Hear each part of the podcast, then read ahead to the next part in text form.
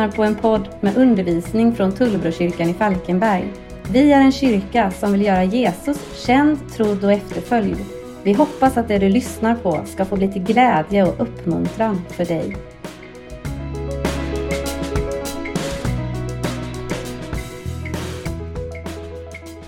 Jag skulle tro att några stycken av oss minns den här låten som ni ska få lyssna till ett litet klipp av nu.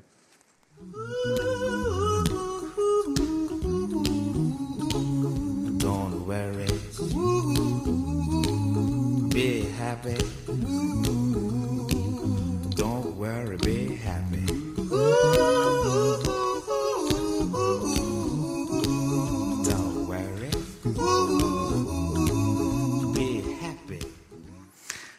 Den där låten den eh, spelades in 1988. Jag var en 11-årig grabb och jag minns att den här spelades ganska flitigt på radio under en period.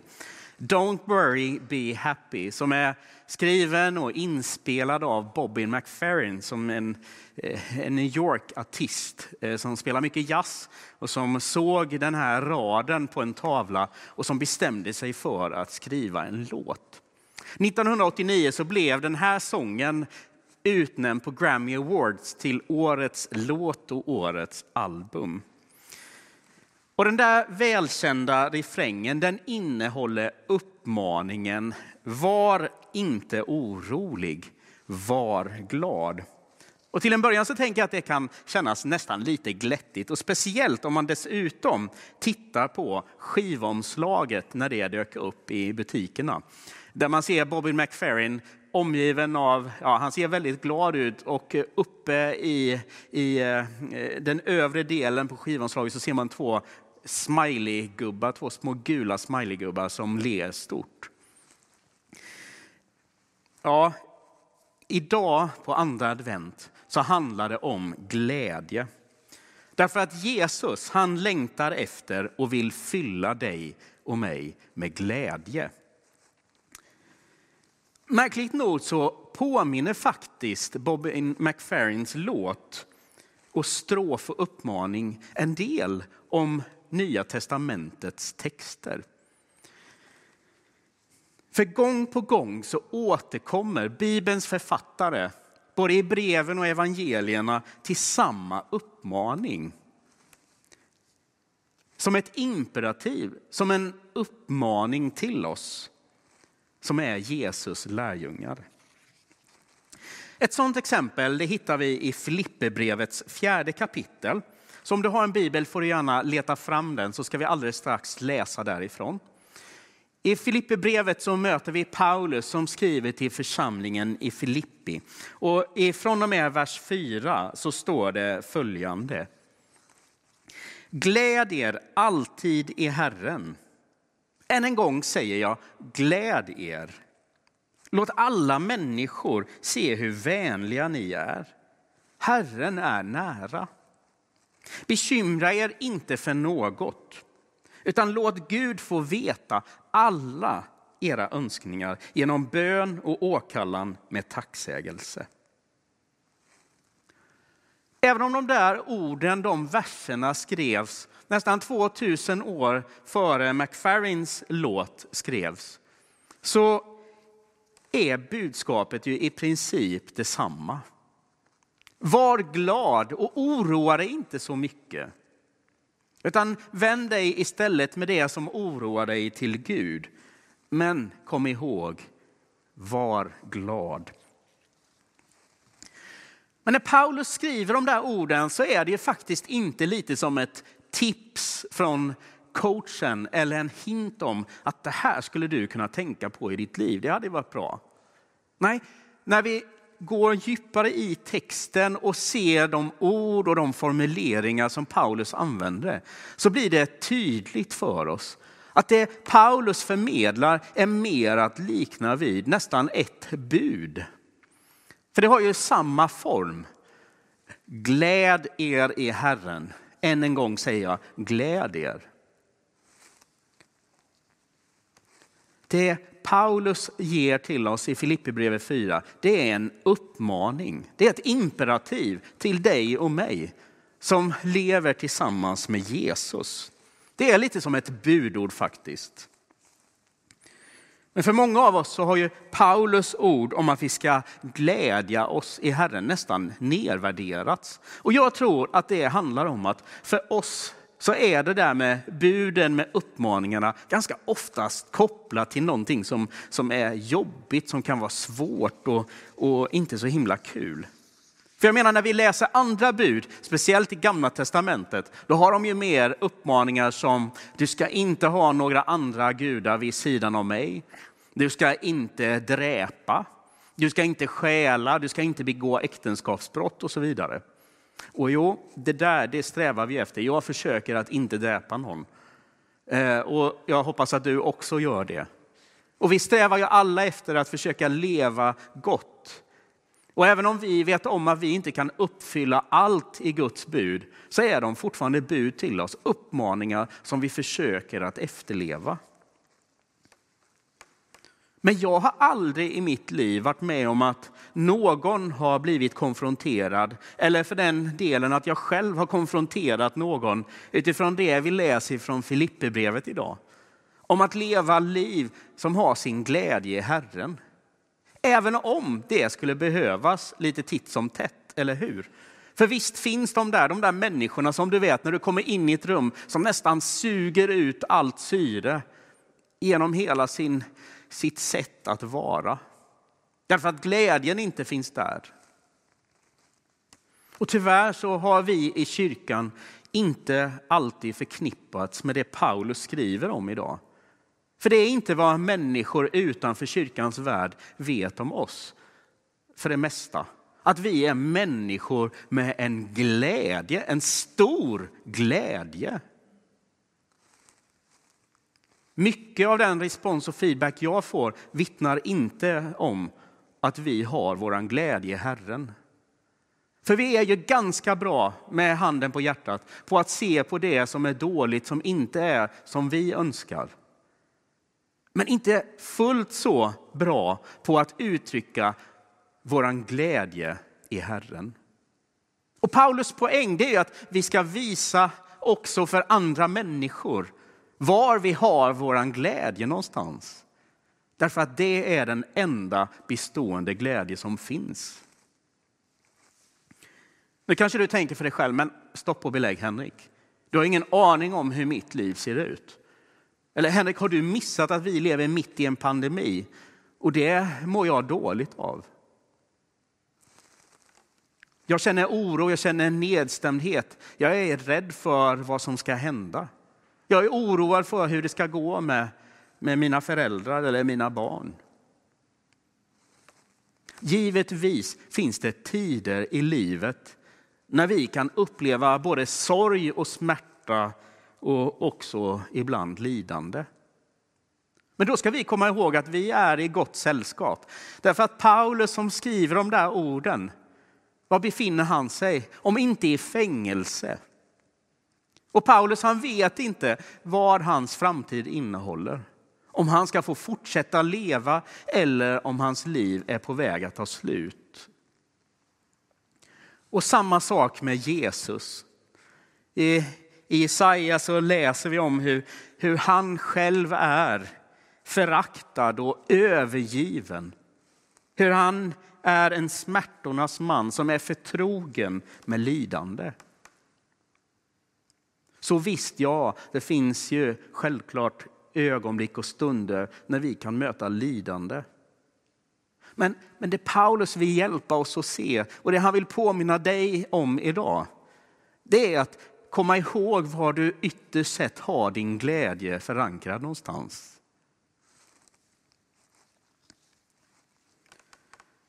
Vi får liksom inte missa poängen som han vill hjälpa oss att se. Och som vi kan se även i andra Korinthierbrevet 5 när han skriver att trots våra omständigheter så kan vi ändå vara vid gott mod. Så kan vi alltid vara glada. Varför då? Jo, därför att vår glädje den kommer tillbaks till vem Jesus är och vad han har gjort. Det är i honom du och jag ska ha vår glädje. Inte i andra människor som kan svika och göra oss besvikna. Inte i sakerna, prylarna som vi kanske köper för att vi tycker de verkar bra, fina eller vi gillar dem i största allmänhet. Därför att de kommer till slut tappa det där extra som de hade.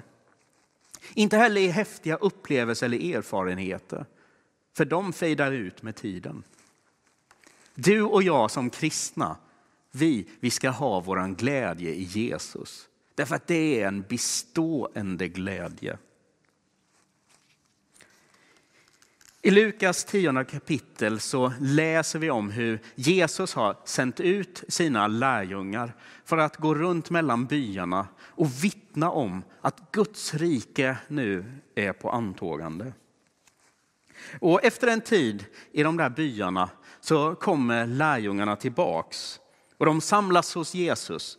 Och i vers 17 så läser vi följande i Lukas 10 att de 70 kom tillbaka glada. De 70 kom glada tillbaka och berättade.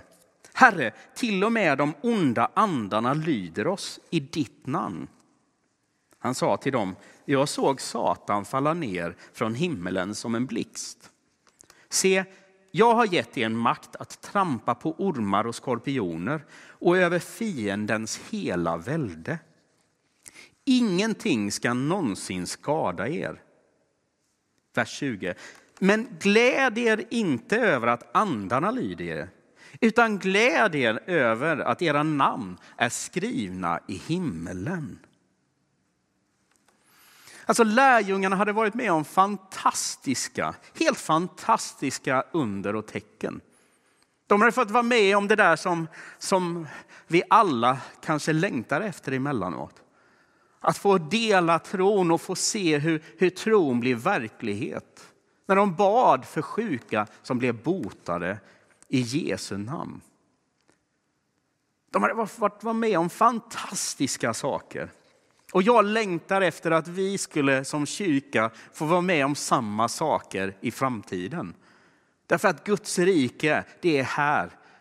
Och Gud, han vill uppenbara sin kraft genom den helige ande i våran värld. Själv har jag fått vara med om vid några tillfällen om hur, hur den jag har bett för har blivit frisk. Och vid ett tillfälle som jag kan minnas hur en person upplevde en tydlig befrielse ifrån demoniskt inflytande. Och jag längtar efter det, ja det gör jag. Men det Jesus säger och vill påminna oss om, det är att det inte är där vi ska ha våran glädje min vän. Inte i att andarna lyder oss, eller som det står i texten, att vi till och med har fått makt över fiendens hela välde. Det är inte så illa det. Men det är inte där vi ska ha vår glädje, säger Jesus. Utan i vad då? Jo, i, i att våra namn är skrivna i himmelen. Det är där vi ska ha vår glädje. Alltså själva objektet om du så vill, själva målet för vår glädje. Det ska vara Jesus Kristus och vetskapen om vad han har gjort för oss på korset. Och att det öppnar upp för oss en evighet. Givetvis så finns det mycket som du och jag kan känna lycka över i livet. Både prylar, personer och och upplevelser och allt möjligt. Men att känna lycka och att känna glädje, det är i grunden två skilda saker. Därför att lyckan har ofta sitt fokus i det yttre, i det materiella, i det synliga. Medan glädjen i biblisk bemärkelse ser till det som Jesus är och har gjort. En annan anledning till varför du och jag har skäl att glädja oss, det är därför att Gud glädjer sig över dig och mig. En del av oss vi lever med en väldigt skev bild av vem Gud är. Ibland på grund av att vi har vuxit upp under förhållanden där bilden av Gud har präglats av omständigheterna i hemmet. Så för en del är han sträng, hård och dömande. Svår att liksom få ett leende ifrån. Men i Sefania bok i Gamla testamentet så står det så här i det tredje kapitlet, vers 17. Herren, din Gud, bor i dig, en hjälte som frälser. Han gläder sig över dig med lust. Han tiger stilla i sin kärlek. Och lyssna på det här. Han fröjdas över dig med jubel. Alltså jag tänker att för en del av oss så kan ju de där orden vara enormt svåra att ta in. Jag menar, vi kanske bara längtar efter att någon i vår omgivning emellanåt skulle säga att jag älskar dig. Att vi skulle få bli bekräftade av människor som vi lever bredvid och tillsammans med. Och då att tänka tanken att Gud skulle glädja sig över oss och rent av fröjda sig. Det är liksom snäppet mer än att glädja sig i min tanke i alla fall. Det min vän, det är en sanning som du ska ta fasta på. Det är dagens sanning. För även om du inte tror det eller ej så är det sant. Herren som har skapat dig han glädjer sig och fröjdar sig över dig. I onsdags så hörde jag en kort notis på radion, på Vetenskapsradion på P1. Och det handlar om att australiensiska forskare nu hade upptäckt, och håll i dig nu, och kartlagt en miljon helt nya galaxer med hjälp av ett avancerat teleskop i öknen. Det går liksom inte att ta in, tycker inte jag. En miljon galaxer. Nu är inte jag astronomi eller så, jag är inte eh, så kunnig på de områdena, men jag fattar också att en miljon galaxer, det är liksom wow. Och att då tänka att samma Gud som är ursprunget och upphovet till de där miljonerna galaxer, att samma Gud ser dig och gläder sig över dig och mig. Det är stort. Och det är en anledning till att vi också kan glädja oss över Gud. Så även om du inte känner glädje när du ser dig själv i spegeln på morgonen, så kom ihåg att han glädjer sig över dig. Och även om du inte upplever att människor i din närhet som du möter i din vardag uttrycker att de älskar dig, så ska du veta att Herren som har skapat dig, han fröjdar sig över dig när han tänker på vem du är. Och han vill fylla dig med sin glädje. Genom den helige ande läser vi om i Bibeln. Guds ande som har tagit sin boning i oss när vi har tagit emot Jesus och, och öppnat oss för livet som han ger oss och frälsningen. För glädjen som Jesus vill fylla dig med, det är vad Bibeln talar om som en frukt. En frukt som får växa till och mogna i våra liv. I den messianska profetian i Jesaja kapitel 61 som Jesus också citerar när han befinner sig i synagogan i Nasaret, så står det så här. Herren Guds ande är över mig, för Herren har smort mig till att förkunna, vad då? Jo, glädjens budskap för de ödmjuka. Han har sänt mig för att förbinda dem som har förkrossade hjärtan, att utropa frihet för de fångna och befrielse för de bundna att förkunna ett nådens år från Herren och en hämndens dag från vår Gud, att trösta alla sörjande och ge de sörjande i Sion huvudprydnad istället för aska. Och lyssna på detta, glädjens olja istället för sorg, lovsångsdräkt istället för en mordfälld ande. I Bibelns värld så är oljan en symbol för den helige ande. Och det här är precis vad Guds ande vill göra i oss var och en. Vill fylla oss med glädje.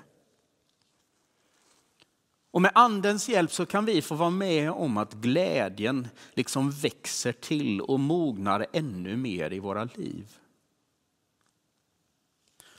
Lägg nu noga märke till en sak. Vi brukar ibland tala om att anden ger nådegåvor och anden ger frukter i våra liv.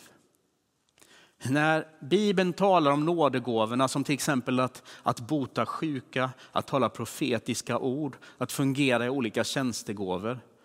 Då är det någonting som, som vi läser om att anden fritt fördelar, lite som anden själv vill. Men när det gäller frukterna så är det inte så att vissa har fått glädjens frukt på sitt träd och andra är utan den. Några har fått lite ödmjukhet och så vidare. Nej, när det gäller frukterna så är det någonting som ska finnas i allas våra liv.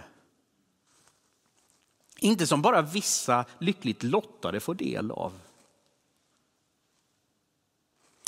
Avslutningsvis så vill jag rikta mig speciellt till dig som, som har ägnat ditt liv åt att försöka hitta lycka i tillvaron. Du kanske har försökt hitta den genom, genom andra människor och relationer med dem. Du har strävat efter att kanske få mer pengar på banken för att kunna unna dig mer lyx i vardagen. Göra häftiga upplevelser och så vidare. Men när allt har liksom lagt sig så hungrar du bara efter mer lycka. Och det är precis helt i sin ordning. Därför att lyckan kommer och lyckan går. Men det vi har läst om idag och det Bibeln talar tydligt om, det är att bortom lyckan så finns glädjen. En glädje som grundar sig i Jesus Kristus. För det du behöver det är inte fler prylar eller mer pengar. Genom att du sätter ditt hopp till Jesus och tar emot det nya livet som finns hos honom så öppnar du också upp ditt liv för den helige ande att, att låta glädjen flöda fram i ditt liv. En djup och bestående glädje. En glädje som inte kan köpas för pengar. En glädje som inte tillfredsställs genom fler prylar utan en sann och äkta glädje som vi bara kan erfara tillsammans med Gud. När Jesus själv sätter ord på den fullkomliga glädjen som han vill välsigna oss med, så säger han så här i eh, Johannes evangeliet, vers 9 kapitel 15, vers 9. Så som Fadern har älskat mig, så har jag älskat er. Det är värt att bara stanna upp där. Som Gud, Fader, älskar sin son, så älskar sonen dig. Och så säger Jesus, bli kvar i min kärlek. Alltså, stick inte iväg, spring inte iväg ifrån den utan bli kvar i den. Och om ni håller mina bud blir ni kvar i min kärlek. Liksom jag har hållit min fars bud och är kvar i hans kärlek. Vers 11. Detta har jag sagt er för att min glädje ska vara i er och för att er glädje ska bli vad då? Jo, fullkomlig. Min vän, du är älskad av universums skapare. Och när han ser på dig så fylls han av glädje. Då fröjdar han sig. Ta med dig det och glöm inte bort att så är fallet. Att genom att du öppnar ditt liv för Jesus så kan du få del av en fullkomlig glädje. Låt oss be. Herre, vi tackar dig för ditt ord, Herre. Herre, vi tackar dig för att ditt ord är så genomsyrat av glädje, Herre. Därför att det är så du ser på oss. Och det är så du vill att vi också skulle se på oss själva. Herre, jag ber dig om att du skulle hjälpa oss, Herre. Att du skulle hjälpa dem av oss som tillhör dig. Att ha våran glädje förankrad i dig, Herre. Inte i våra egna förmågor, inte i våra egna kunskaper, inte i vår egen rikedom eller prylar eller vad vi nu än liksom omger oss med. Utan att vi ytterst sett skulle ha våran glädje i dig, Jesus Kristus. Så Herre, låt din heliga ande få genomsyra våra liv med en glädje. Så att det får bli precis som vi läste i Filippibrevet. Att människor runt omkring oss får se vilka människor vi är. Får se att wow, där är en människa som har sin glädje i någonting helt annat. Herre, jag ber dig för de ibland som kanske känner att glädjen har sinat. Herre, jag ber dig om att, att du, Herre, skulle göra ditt verk genom den heliga Ande. Jag ber så i Jesu namn. Amen.